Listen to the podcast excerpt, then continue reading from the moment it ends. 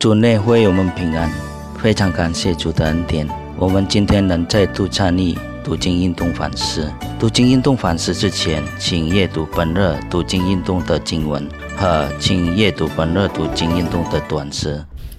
弟兄姐妹们平安。还没有思想主的话之前，我们需要先祷告。亲爱的天父，我们感谢你，让我们在基督里可以领受各样属灵的福气。也感谢圣灵常引导我们明白圣经的真理，使我们的生命可以不断的被建造。今天我们还要学习，求你赐给我们一颗受教的心，奉救主耶稣的名祷告，阿门。我们要继续思考约翰福音第一章，今天的经文是十九节到三十四节。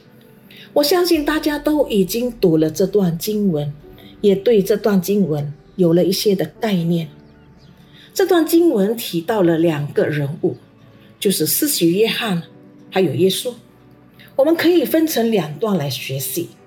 第一，约翰认清自己的身份；第二，约翰所见证的耶稣基督。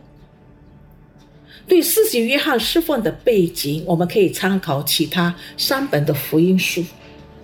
今天这段的经文所记载的施洗约翰已经是很有影响力，知名度也很高了。圣经说，许多的犹太人都来到他那里，承认自己的罪过，在约旦河接受悔改的洗。其实，按照犹太教的规定，洗礼并不是为亚伯拉罕的后裔的犹太人，而是为归入犹太教的外邦人。他们除了必须受割礼，还要接受认罪悔改的洗。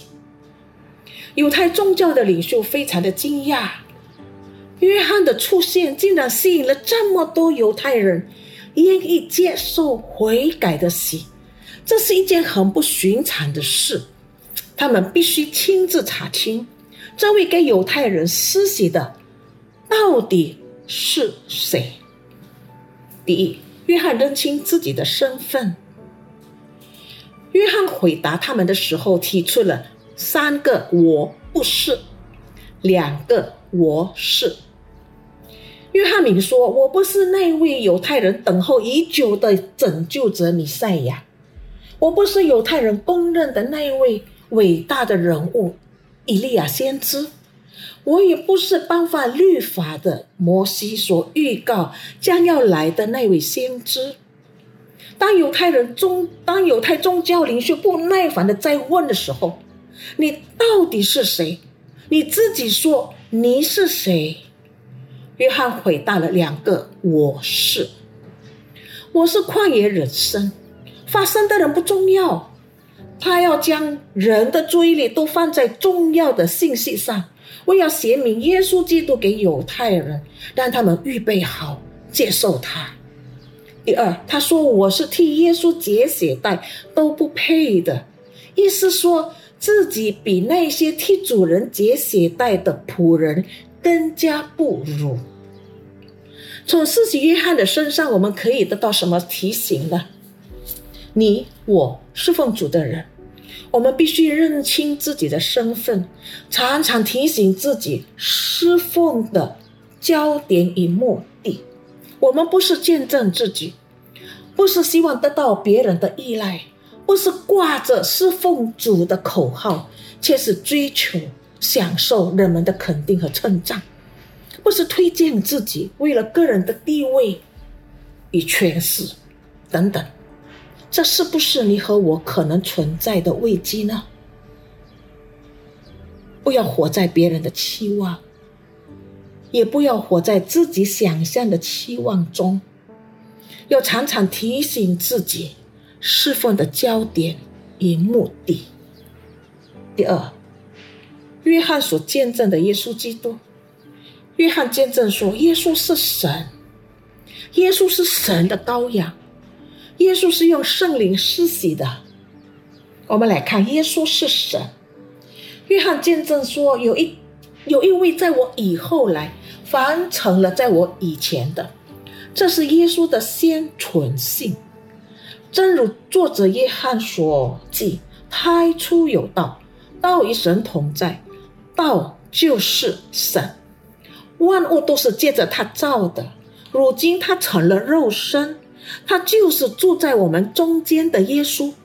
耶稣就是神，耶稣是神的羔羊。”约翰喊着说：“看呐，神的羔羊，除去世人罪孽的。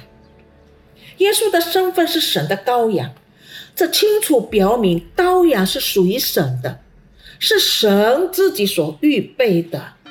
这羔羊就有完全除去世人罪孽的功效。要想了解耶稣神的羔羊，我们必须从旧约犹太人献祭的背景开始。”神在人类的历史中建立的整个献祭的制度，是为耶稣基督的到来设定了舞台。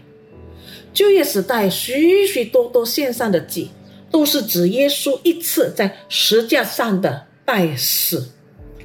彼得前书一章十九节说：“我们的罪过能得蒙赦免，乃是凭着基督的宝血，如同无瑕疵无玷污的羔羊之血。”约翰一书二章二节，因为耶稣是神，是神的羔羊，所以他的死可以除去普天下人的罪孽。耶稣是用圣灵施洗，约翰见证说他的能力比自己更大。耶稣要用圣灵施洗，耶稣用圣灵施洗，其中包括了什么意义呢？在耶稣复活升天以后。他便将圣灵赐给信徒，我们就是借着圣灵重生，新的生命不断的被圣灵更新，圣灵在我们的心里成为印记，证明我们是属基督的，是在基督里的，是神的儿女。神一次爱上我们，便永远都不会放弃我们。圣灵不单成为印记。也要成为凭据，保证我们可以得着属天的基业。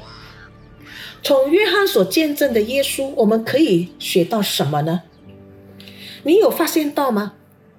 现代的人对罪的概念已经渐渐的被淡化了，甚至可以说是被美化了。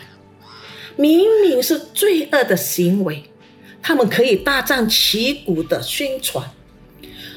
犯罪的人竟然可以变成应当被尊重的受害者，也有一些人以为借着自己的善行可以解决罪的问题。神看罪是很严肃的事，圣经说罪的工价乃是死，若不流血，罪就不得赦免。耶稣已经为我们付上了。流血的代价，这是一个昂贵的代价。施洗约翰的见证，耶稣基督是神，是神的羔羊，除去世人罪孽的。耶稣是用圣灵施洗，这是我们基督教的信仰，是独特的，是与众不同的信仰。这信仰是神主动在创立世界以前。已经为世人预备唯一的救赎的方法。基督徒要站定信仰的立场。圣经说：“除他以外，别无拯救，因为在天下人间没有赐下别的名，我们可以靠着得救。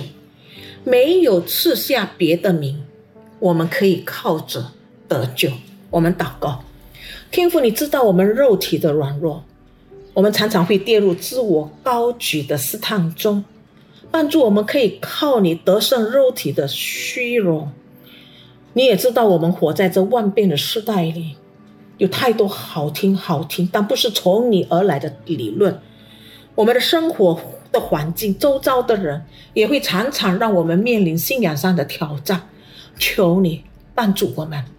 靠你，我们可以站立得住，直到见你的面。靠耶稣的名祷告，阿门。